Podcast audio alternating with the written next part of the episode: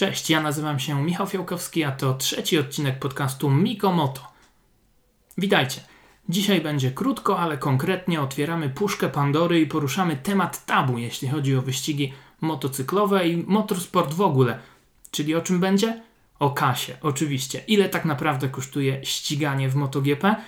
Znam odpowiedź na to pytanie i rozbiję ją dla Was na części pierwsze. Więc zaczynamy. Zanim może powiem Wam, ile dokładnie wynosi na przykład budżet typowego teamu MotoGP, chciałbym zwrócić uwagę na jedną rzecz.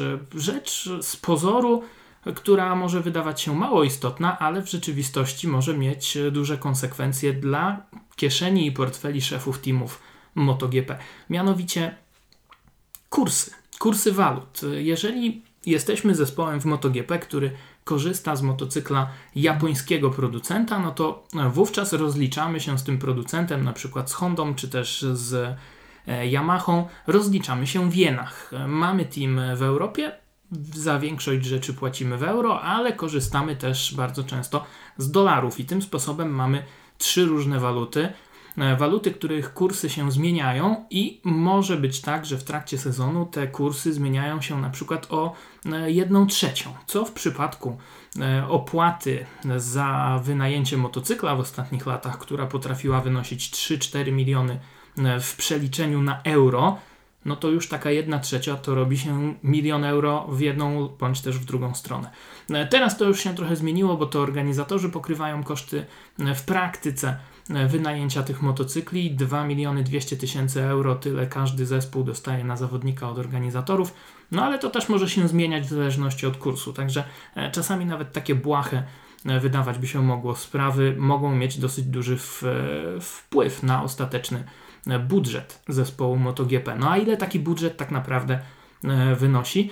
Kilka lat temu usiadłem z, no, ze sporą częścią szefów zespołów MotoGP Część z nich e, oficjalnie, część z nich e, w stylu tak zwanym off the record, czyli nie podając swoich personaliów, e, zdradziła mi, jak to dokładnie wygląda, co ile kosztuje i ile to wszystko ostatecznie wynosi. No i oczywiście to minęło kilka lat, ja sobie to zaktualizowałem i na dzień dzisiejszy wygląda to w ten sposób, że taki budżet zespołu MotoGP w przypadku dwóch zawodników to jest średnio od 8 do 10 milionów euro rocznie. No i mówimy tutaj o prywatnych zespołach, o prywatnych teamach. Z kolei e, teamy fabryczne to już jest zupełnie inna para kaloszy i tutaj mamy koszty od 30, e, a raczej budżety od 30 do 50 milionów euro e, rocznie, a więc wydawać by się mogło, że są to pieniądze absolutnie gigantyczne, tym bardziej, że na przykład w kategorii Moto 2 Koszt wystawienia zespołu, a raczej budżet taki roczny e, zespołu Moto2, nawet w przypadku e, dwóch zawodników, no to będzie gdzieś w okolicach 2-3 milionów e, euro, 2-2,5 miliona spokojnie na takie cele wystarczy i to też wielu szefów zespołu mówi nawet oficjalnie. Także nie jest to może jakaś wielka tajemnica, no ale jest to wyraźna różnica tak, pomiędzy MotoGP a Moto2. Koszty rosną E, czterokrotnie, no ale musimy pamiętać, że e, jest tutaj wiele zmiennych, do których też e, dojdziemy. Ale porównajmy to może zanim to wszystko sobie rozbijemy na części pierwsze, co ile kosztuje, porównajmy to do budżetów z innych serii wyścigowych. No i tutaj oczywiście nie możemy nie porównać przede wszystkim do Formuły 1, gdzie te budżety są po prostu moim zdaniem absurdalne, bo takie typowe, typowe Średnie te, te koszty w Formule 1 wahają się od 100 do 300 milionów euro rocznie. No przyznacie, że są to gigantyczne pieniądze. E, te czołowe teamy jak e, Ferrari, jak e, Mercedes, tam oczywiście dochodzi też kwestia rozwoju silników. No i te koszty rosną jeszcze bardziej, tych pracowników jest jeszcze więcej, no ale w przypadku takiego typowego teamu E, z F1 gdzieś tam ze środka stawki. Często jest to kilkuset pracowników, 300-400 pracowników. E, oczywiście tylko część z nich na torze, duża część też e, w siedzibach, duża część, która pracuje na to wszystko za kulisami. No a w przypadku teamów MotoGP takie teamy liczą po kilkanaście, po 30 bardzo często góra osób, więc różnica jest tutaj astronomiczna. Oczywiście też w przypadku MotoGP te teamy fabryczne, a raczej producenci Ducati, Yamaha, Honda, Suzuki, oni sobie część z tych kosztów, część z tych 30, 40, 50 milionów euro wrzucają w, w koszty badań i rozwoju, no bo część z tych technologii, którą najpierw oglądamy w MotoGP, później trafia po prostu do motocykli wyścigowych, do motocykli drogowych, a wystarczy spojrzeć na R1, w której tej technologii też, która była używana w MotoGP kilka lat temu, nie brakuje. Jeszcze tak spoglądając na inne serie, Podobno budżet Volkswagena w WRC wynosił ponad 100 milionów euro rocznie, ogromny budżet. Takie budżety też były w wyścigach długodystansowych w serii World Endurance Championship w klasie LMP1. Tam mieliśmy Porsche, mieliśmy Audi, mieliśmy Toyotę.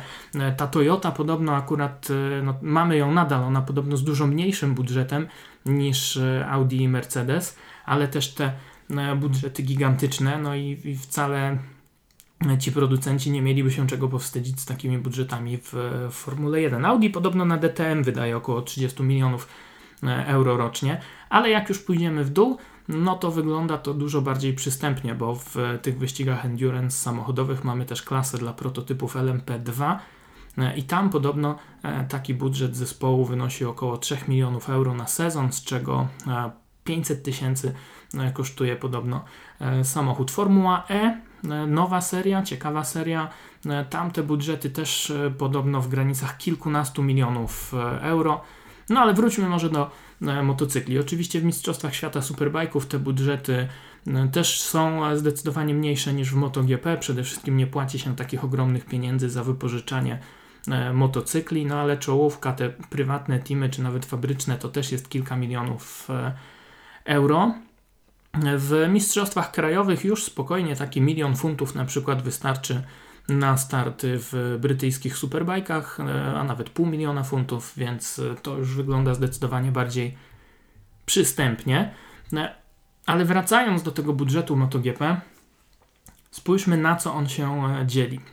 Można go podzielić na takie trzy podstawowe części: utrzymanie zespołu, koszty techniczne i wynagrodzenia zawodników.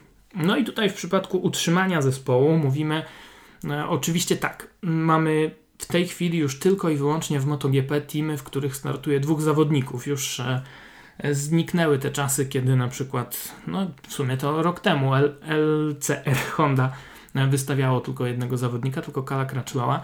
E, teraz już każdy team i prywatny i fabryczny ma po dwóch e, zawodników. Więc do obsługi takich zawodników potrzeba około 30 e, osób. 30 osób, które zawsze lecą na każdą rundę MotoGP. Tych rund będzie 19 w, w tym sezonie. W zeszłym roku było 18. No więc 30 osób, przynajmniej 15 pokojów hotelowych, przynajmniej na 5 nocy, no bo często i więcej, bo wielu mechaników przylatuje, przyjeżdża na tor już e, w poniedziałek na przykład i zaczyna rozkładanie tego całego sprzętu albo we wtorek, więc e, może być to i e, więcej niż 5 nocy. Trzeba wynająć kilka samochodów, busów, trzeba tych wszystkich ludzi przetransportować, opłacić przeloty. Niestety na biznes klasę zwykli mechanicy liczyć nie mogą, no ale i tak sobie trochę polatają w trakcie sezonu, albo też pojeżdżą, bo część z nich e, po prostu prowadzi teamowe ciężarówki, które też pokonują e, dziesiątki tysięcy kilometrów e, rocznie. No i właśnie, jeśli chodzi o te ciężarówki, no to taki team, który ma dwóch zawodników, bardzo często potrzebuje też właśnie dwóch ciężarówek, w których te wszystkie technikalia się znajdują. Motocykle, całe wyposażenie boksu, cały ten osprzęt, E, jeździ w dwóch ciężarówkach. E, do tego bardzo często dwie ciężarówki, które służą jako e, zaplecze, w których albo jest to hospitality, czyli jednostka gościnna, którą się rozkłada, w której są kucharze, kelnerzy, kilka osób właśnie takich dodatkowych z obsługi, kilka osób i dwie ciężarówki. To jest przykład powiedzmy teamu prywatnego, który jakoś tutaj specjalnie E, nie jest rozrzutny pod tym względem, bo jak spojrzymy sobie na Ducati, no to ich sponsor e, Philip Morris ma taką jednostkę gościnną, która ma trzy piętra, składa się z ośmiu ciężarówek, tak, ośmiu ciężarówek, no i pracuje tam dodatkowych 10 osób, e, przynajmniej, jeśli nie więcej. Także jest to ogromne wyzwanie logistyczne i organizacyjne, no ale to już za to wszystko dodatkowo sobie sponsor Ducati płaci i zabiera tam swoich gości. Pozostałe teamy mają takie pojedyncze jednostki gościnne, w których mieszczą i goszczą i swoich mechaników, zawodników i także gości, media, to wszystko według e, ściśle ustalonego harmonogramu, każdy tam o innych porach e, sobie przychodzi na posiłki czy na wywiady. E, no i tutaj, jeżeli mówimy o tych, o tych kosztach, o tym budżecie, o którym wspomniałem wcześniej, 8-10 milionów euro, to musicie pamiętać też o jednej rzeczy. Mówimy o istniejącym zespole. Mówimy o zespole, który nie zaczyna od zera, który ma już całe to wyposażenie, który e, ma ciężarówki, ma box, ma te wszystkie e, historie. No bo gdybyśmy dzisiaj wygrali w Totka i zaczynali od zera, E, i chcieli wystawić jutro team e, MotoGP, no to tak, musimy przynajmniej 300 tysięcy euro e, wyłożyć za całe to wyposażenie boksu, 200 tysięcy euro za jedną chociażby ciężarówkę i około 2 milionów euro za taką jednostkę gościnną, która później też w trakcie roku pochłania około pół miliona euro, przynajmniej jeśli chodzi o utrzymanie. Także te koszty, jak widzicie, zdecydowanie nie są małe. Utrzymanie to jest pierwsza rzecz, druga kwestia to koszty e, techniczne. No i te koszty w ostatnich latach były mm, naprawdę dosyć wysokie, bo e, były to kwoty rzędu 3-4 milionów euro za motocykl. E, najpierw to było około 3 milionów, później pojawiły się te zaawansowane skrzynie biegów i pamiętacie pewnie jak szef HRC Shuhei Nakamoto mówił, że koszt wypożyczenia takiej skrzyni jest e, większy niż koszt jego domu, a nieruchomości w Japonii do tanich nie należą, także no, 600 tysięcy euro podobno taka e, skrzynia biegów, no i całość składała się na koszt około 4 milionów euro e, za wypożyczenie motocykla. Do tego dochodzą E, części. Do tego dochodzą wszystkie kwestie związane z wypadkami, no a każdy taki wypadek potrafi być kosztowny, no i tutaj trzeba przynajmniej pół miliona euro sobie przed sezonem za, założyć na takie właśnie wypadki. No a jak mamy jakiegoś dzwonnika w teamie, to ta kwota i też e, spokojnie do miliona euro e, może dobić. No i tutaj płacenie 8 milionów euro na przykład za dwa motocykle, no to już widzicie, że coś, coś tutaj się nie zgadza, prawda? Bo mówiłem o tym, że ten budżet wynosi 8-10 milionów euro, a gdybyśmy mieli tak właśnie według tych stawek płacić e, producentom za motocykle, no to już nam się ta kasa skończyła praktycznie. Ale tu jest pewien haczyk, bo e, i zespół Tech 3, i zespół LCR, i zespół Pramac Honda na trochę innych zasadach e, te motocykle otrzymywały. Pramac z bezpośrednią umową z Ducati, zawodnicy w większości e, też te kontrakty podpisywali bezpośrednio z Ducati. Ducati czasami te motocykle dawało, czasami tam dawało bardzo duże rabaty. Także w przypadku e, Yamahy tutaj e, wyglądało to podobnie, że były jednak te, te ceny niższe. No a w tej chwili w sezonie 2018 będziemy mieli Kala Crutchlowa na fabrycznym kontrakcie, a więc LCR Honda nie płaci e, Kalowi Crutchlowowi, nie płaci za jego motocykl, także e, tutaj już mogą sobie dużo e, oszczędzić podopieczni Lucio Cecchinello. Podobnie jest w Pramaku, gdzie jest Danilo Petrucci na fabrycznym kontrakcie, no i on też to wszystko dostaje od Ducati. A co ciekawe, na te koszty, z jakimi to się wszystko wiąże, dorzucają się także importerzy e, z poszczególnych państw, czyli importerzy Hondy, Ducati, Yamaha i tak dalej. Każdy importer e, jakąś tam część do tego budżetu producenta, jaką producent wydaje na ściganie, też każdy taką cegiełkę musi dołożyć. No im większy rynek, im większe zainteresowanie, tym ta cegiełka jest większa. Jeżeli jest zawodnik powiedzmy z Włoch, no to włoski importer na przykład musi też więcej dorzucić. Czasami jest tak, że E, na przykład jak Stefan Bradley jeździł w LCR Hondzie, no to Honda, e, niemiecki oddział dawała tam sporo w ramach za to, że Stefan Bradley tę Hondę w Niemczech dosyć mocno e, promował, także różne tutaj tego typu deale też mają miejsce. No ale w tych kosztach technicznych nie mieszczą się tylko motocykle, mieszczą się także wszystkie inne kwestie związane ze sprzętem. Oczywiście opony Michelina wyłącznego dostawcy E, to jest kwestia, która jest gratisowa. Zespoły za te opony e, nie płacą, ale płacą już za e, zawieszenie, za hamulce i za paliwo. I tutaj w przypadku zawieszenia i hamulców są to niemałe kwoty, bo to jest około 100 tysięcy euro rocznie i za zawieszenie, i za hamulce. I tutaj nie jest to kwota tylko samego jakby produktu, czyli fizycznie jednego kompletu zawieszeń czy, czy hamulców, ale także kwota serwisu. No bo każdy team ma przydzielonego technika od zawieszenia, od hamulców, ten technik jeździ z zespołem przez cały sezon, ustawia to wszystko, serwisuje i tak dalej, no i te koszty też team e, musi pokryć. I tu e, ciekawa historia, jeśli chodzi o to, e, kto ma najtrudniejszą robotę w MotoGP, to moim zdaniem właśnie kilku takich gości, którzy są takimi technikami, na przykład Olinsa i pracują w trakcie weekendu MotoGP z teamem MotoGP oraz z teamem Moto2, więc skaczą sobie z boksu do boksu, no to jeszcze pół biedy, bo e, wszystko podczas jednego weekendu wyścigowego. Ale od końca stycznia skaczą sobie z testu na test, czyli e, prosto z testu MotoGP lecą na testy Moto2, wracają na testy MotoGP, znów na Moto2 i praktycznie od lutego nie ma ich w domu prawie że e, w ogóle. No to jest naprawdę coś, coś niesamowitego. Nie zazdroszczę tym właśnie panom. No też nie zazdroszczę wielu mechanikom, którzy bardzo często muszą podróżować tymi ciężarówkami z toru na tor, przewozić to wszystko e, z rundy na rundę. Mówiłem jeszcze o paliwie.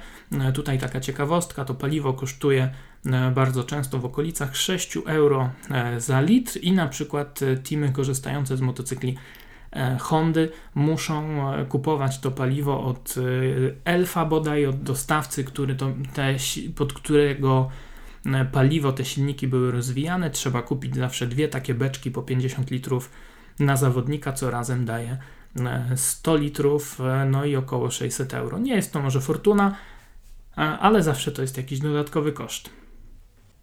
Trzecia i ostatnia część tych budżetów teamów MotoGP to oczywiście wynagrodzenia zawodników. I te bardzo często nie są wliczane do tych 8-10 milionów euro, o których już mówiłem. Co więcej, no, budżet takiego e, Jorge Lorenzo, czy wynagrodzenie takiego Jorge Lorenzo, wiemy, że jest to 12 milionów euro rocznie w tej chwili w Ducati, no i to już jest suma, która wystarczyłaby e, spokojnie na wystawienie na przykład teamu Pramac Ducati czy też Aspar, e, który ma jeszcze mniejszy budżet. No pamiętacie może jak kilka lat temu w 2015 roku rozmawiałem z nieodżałowanym E, Nikim Haydenem. On wtedy jeździł u Aspara, korzystali wtedy z motocykli Hondy, no i pytałem się, e, dlaczego nie korzysta z tych e, większych tarcz hamulcowych, a on powiedział, że po prostu teamu nie stać na osłonki na te tarcze, na osłonki, które pozwalały utrzymywać temperaturę, także no wszyscy tutaj z budżetami walczą, ale czołowi zawodnicy są w dosyć uprzywilejowanej sytuacji. Jorge Lorenzo 12 milionów euro rocznie, jego kolega w zespole Andrea Dovizioso. Ile obecnie zarabia, tego nie wie nikt, ale e, wiadomo, że e, kiedy jeździł Dovizioso w zespole e, Tech 3 w Yamasze kilka lat temu, zarabiał tam 300 tysięcy euro rocznie, czyli tak naprawdę tyle co nic jak na standardy MotoGP. Natomiast jak trafił do Ducati, no to wówczas to jego wynagrodzenie wzrosło do 2,5 miliona euro E, rocznie, no i później tak rosło i rosło. Teraz jest wicemistrzem świata, więc jego pozycja negocjacyjna też e, wzrosła. Dani Pedroza też podobno około 2 milionów euro e, zarabia. Jego kolega z zespołu Repsol Honda Mark Marquez podobno zaczynał od 7-8 milionów euro rocznie. Teraz myślę, że te zarobki będą podobne do zarobków Jorge Lorenzo, może trochę mniejsze, ale pamiętajcie, że Casey Stoner, kiedy odchodził z MotoGP, no to Honda e, dała mu jeszcze taką ofertę ostatniej szansy i wtedy też mówiło się o 12 milionach euro e, rocznie. No Casey Stoner tę ofertę odrzucił ostatecznie, ale podejrzewam, że skoro tyle oferowano Stonerowi, no to podobne pieniądze może dzisiaj zarabiać e, Mark Marquez. Taka ciekawostka, jeśli chodzi o Casey'a Stonera, kiedy on zaczynał swoje starty w MotoGP w drugim sezonie, przeszedł z LCR Hondy do fabrycznego teamu Ducati, to było w 2006 roku e, i podpisał tam dosyć, e, no można powiedzieć, mało lukratywny kontrakt, bo e, podstawa tego kontraktu wynosiła zaledwie milion euro, ale E, Casey wynegocjował sobie bardzo duże bonusy. Bonusy za punkty, bonusy za e, podia, za zwycięstwa, no i za mistrzowski tytuł, a wtedy ten tytuł zdobył i wyścigów też wygrał e, bardzo wiele i podobno bardzo dobrze na tym kontrakcie wyszedł. No nie można oczywiście tutaj nie wspomnieć o Valentino Rossim, który jest jednym z najbogatszych sportowców na świecie od wielu, wielu lat, zresztą od 20 lat w tych wyścigach rangi Mistrzostw Świata startuje. W tych latach świetności Valentino Rossi zarabiał rzeczywiście około 15 milionów euro rocznie. Tyle podobno e, też płaciło mu Ducati. E, zanim do tego Ducati przeszedł, no to tam była taka ciekawa historia, że właśnie Valentino zarabiał ponoć 12 milionów e, euro. Nie wiem skąd to 12, może tak sobie wymyślili, że bańkę za miesiąc, no ale e, Valentino Rossi zarabiał wtedy podobno około 12 milionów euro. Yamaha powiedziała: Słuchaj, no kryzys, te sprawy, wiesz, musimy ci cztery zabrać. Później się okazało, że te cztery zabrali, żeby Jorge Lorenzo podnieść wynagrodzenie z 4 do 8 i to Valentino Rossiego bardzo poirytowało. Przeszedł do Ducati, e, tam jak już mówiłem, te stawki w, w granicach kilkunastu milionów euro, no ale po dwóch latach wrócił do Yamahy, e, no i okazuje się, że za, za zaledwie 4 miliony euro. Tak bardzo chciał wrócić do tego teamu, że e, tutaj ta kwestia budżetowa nie grała dla niego najważniejszej roli. No ale on też może sobie na coś takiego pozwolić, bo E, przynajmniej drugie tyle, co w latach świetności, nadal zarabia Valentino Rossi z tych wszystkich swoich kontraktów e, reklamowych i pozawyścigowych, a e, dzisiaj już wiemy, że ma też swoją markę odzieżową, sprzedaje te, te wszystkie koszulki, nie tylko swoje, ale też kilkunastu innym zawodnikom. Te E, te ciuchy, te wszystkie gadżety przygotowuje, no i podobno ta e, jego firma dzisiaj już też w granicach 10 e, milionów euro rocznie ma przychodu, także Valentino Rossi na emeryturę jest jak najbardziej przygotowany, mimo że przecież po drodze była też ta ta przygoda z włoskim urzędem podatkowym, podobno E, no niepodobno, tylko tam, o ile dobrze pamiętam, około 100 milionów euro się domagano zaległych podatków od Valentino Rossiego. On udawał niby, że mieszkał w, w Londynie, w Wielkiej Brytanii, a tak naprawdę mieszkał w, właśnie w swojej rodzinnej e, Tawuli. E, doszli do tego urzędnicy, bo sprawdzili, jak to wygląda z używaniem internetu. Był tam w domu na Valentino Rossiego założony internet, on z niego ponoć korzystał, no i tak tam po nitce do kłębka E, doszli. Zresztą nie tylko on miał takie e, przygody, bo też, e, o ile dobrze pamiętam, Loris Capirossi musiał się z tego historii, tego typu historii tłumaczyć. No ale zostawmy może już Valentino Rossiego i przeskoczmy na drugi biegun, bo oczywiście ta czołówka zarabia w, w kwoty milionowe, jeśli chodzi o MotoGP. Zawodnicy z końca stawki no bardzo często nie tyle nawet nie zarabiają, co jeszcze muszą dopłacać do tego swojego ścigania, no a to dlatego, że e, muszą wnosić sponsorów, jeżeli w tych wyścigach chcą rzeczywiście brać udział. No niestety, taka kolej e, rzeczy w MotoGP może nie jest to aż tak dużym problemem jak w tych mniejszych klasach, Moto2, Moto3. E, w superbajkach też wielu zawodników te budżety musi ze sobą wnosić, no i niestety, jeżeli myślicie o tym, żeby zostać zawodnikiem motocyklowym i że to będzie piękna kariera i zarobicie mnóstwo pieniędzy, no to to jest rozczarowująca wiadomość, e, bo wielu niestety na tym sporcie się e, nie dorabia. Nie dorabiają się zresztą także mechanicy, inżynierowie. Tutaj te zarobki wynoszą w okolicach od 2 do 5 tysięcy euro miesięcznie, w zależności oczywiście od umiejętności, od tego, czym dany członek zespołu się e, zajmuje. No i też to różnie wygląda, jeśli chodzi o to, co ci ludzie robią e, zimą, no bo e, mamy w tej chwili grudzień, styczeń, przez dwa miesiące nic się nie dzieje, więc na przykład mechanicy Valentino Rossiego sobie odpoczywają w Australii, mogą się tam zająć z uprawami na swoich farmach, tak jak Alex Briggs, którego możecie śledzić na Twitterze. No ale nie zawsze e, tak to wygląda. Niektórzy muszą po prostu siedzieć w warsztacie i, i dubać, robić jakieś tam inne rzeczy. Nawet e, ostatnio natknąłem się na taki wpis jednego z mechaników e, brytyjskiego teamu Paula Birda. Paul Bird nie tylko ma ten team mistrzowski BSB, w którym wygrywa Shaky Bern, ale też ma wielką farmę kurczaków. No i na przykład właśnie jeden z mechaników tam całą zimę zasuwa na tej farmie. Także no bywa i tak. Oczywiście nie możemy nie poruszyć kwestii tego, e, czy to się kalkuluje i jak e, teamy zarabiają na tym wszystkim, zarabiają na tym ściganiu, czy zamykają ten budżet. Oczywiście dużo wnoszą tutaj sponsorzy. Mówi się, że Philip Morris, czyli sponsor Ducati, taki widoczny, niewidoczny sponsor Ducati, daje 30 milionów euro rocznie. Bardzo dużo daje też oczywiście Hondzie E, Repsol, no i to nie tylko w MotoGP, bo to jest współpraca na wielu innych też płaszczyznach. E, dużo mniejszych sponsorów oczywiście, no i też te wpłaty od zawodników, o których e, mówiłem. W tych małych klasach Moto2, Moto3 bardzo często zawodnicy płacą 200, 300, 400 tysięcy euro za sezon, czasami nawet 600. Były i takie przypadki, że zespoły sobie życzyły po milionie euro od mniej znanych zawodników. Także to też pomaga tym teamom e, budżety swoje e, pozamykać. No swoją drogą to odejście producentów e, z branży tytoniowej kilka lat temu po zmianach przepisów unijnych i tak dalej bardzo mocno się odbiło na świecie MotoGP, wywarło duże spustoszenie w ogóle na całym świecie motorsportu.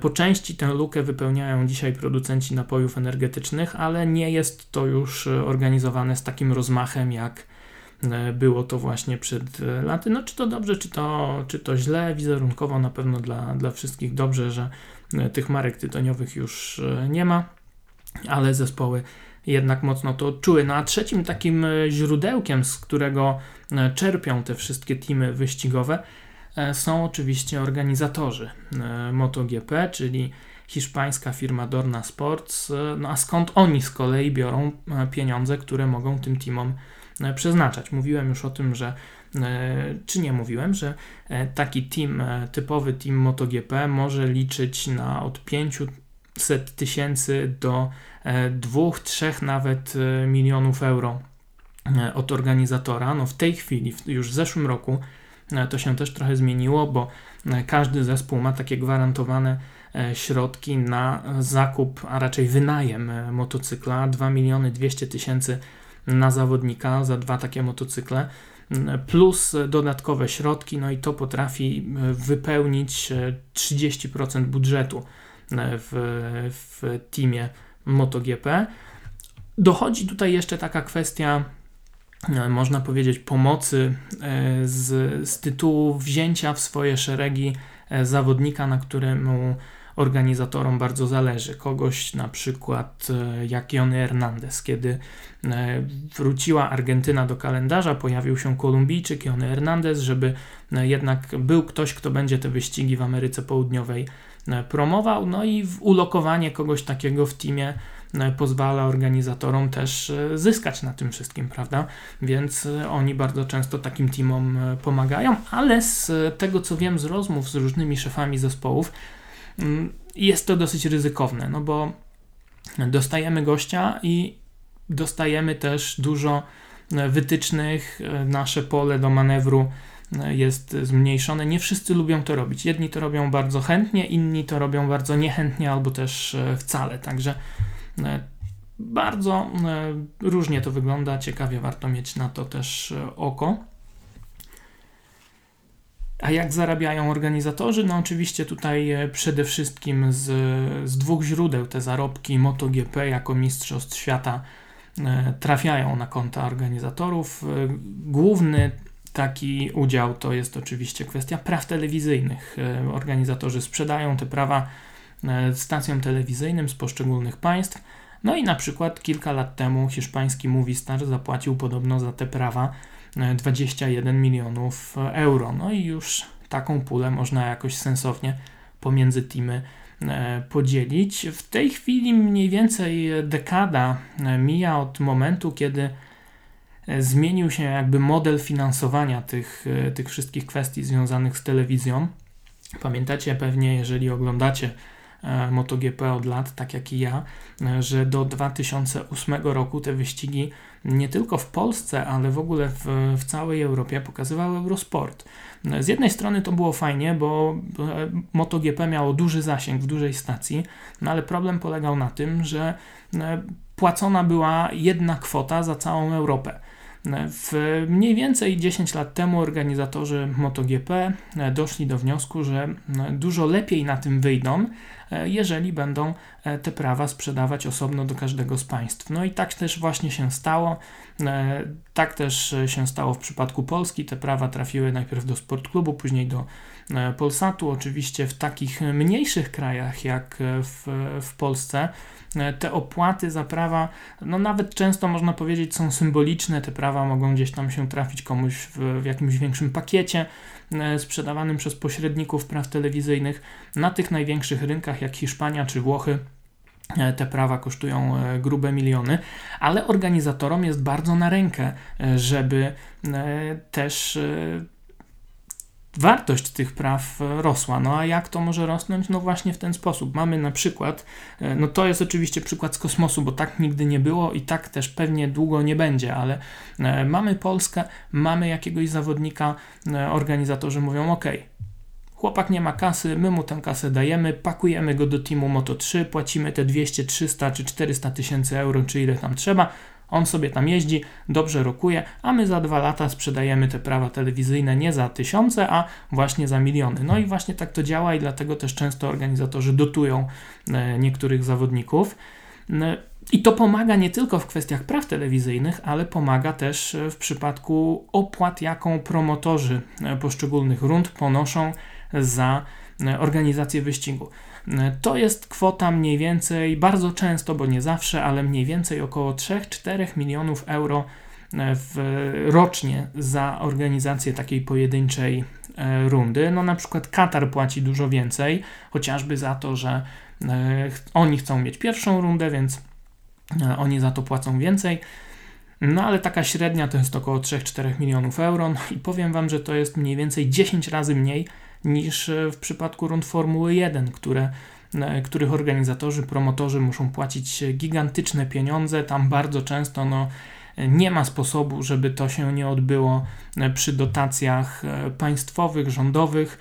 Zresztą w, w MotoGP też często te władze lokalne czy też krajowe się do tego wszystkiego dorzucają. Pamiętacie, że przez lata, co roku była taka dyskusja w przypadku Grand Prix Czech. E, Karel Abraham, właściciel, zarządca właściwie torów w Brnie, mówił, że e, on na tym nie zarabia, on do tego dokłada, państwo mu nie chce do tego się dorzucić, no i w końcu państwo ten tor jakby wynajęło na rundę i organizuje sobie tę rundę e, samo od dwóch lat. Także tak to wszystko wygląda. Wracając jeszcze do tej kwestii e, praw telewizyjnych, no to właśnie ta, ta zmiana tego podejścia i sprzedawania tych praw do poszczególnych państw też e, tutaj poszło w parze z jeszcze jedną e, zmianą podejścia, mianowicie te prawa bardzo często trafiają nie do państw, które pokazują, czy do, do sieci telewizyjnych, do, do stacji, które pokazują wyścigi MotoGP w otwartych kanałach, a do kanałów płatnych. E, jest tak dlatego, że te kanały płatne po pierwsze mają większy budżet, są w stanie więcej za te prawa zapłacić, a po drugie e, są w stanie też więcej zainwestować w e, obsługę całego tego przedsięwzięcia, całego tego show. Wysyłają Hiszpanie, Włosi, całe ciężarówki z mobilnymi studiami, mają ekspertów, mają bardzo dużą obsadę tego wszystkiego. Wygląda to fajnie, jest to robione z dużym rozmachem.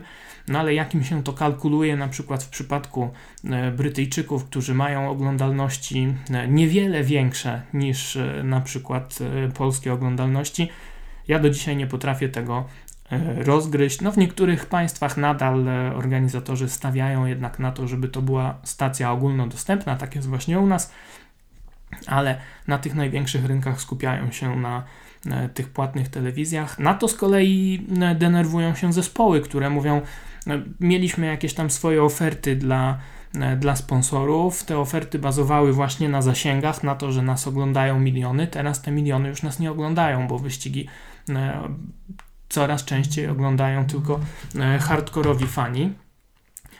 Także coś za coś, moi drodzy, no ale Miejmy nadzieję, że to wszystko będzie tylko rosło i szło w e, dobrym kierunku. Dobra, bo ja się znowu rozgadałem. E, na koniec miało być takie e, rozbicie i pokazanie, jak to dokładnie wygląda w przypadku kosztów teamu MotoGP. Oczywiście znów miało być krótko, znów wyszło ponad pół godziny, więc szybko już lecimy w kierunku linii mety. Rozbicie kosztów.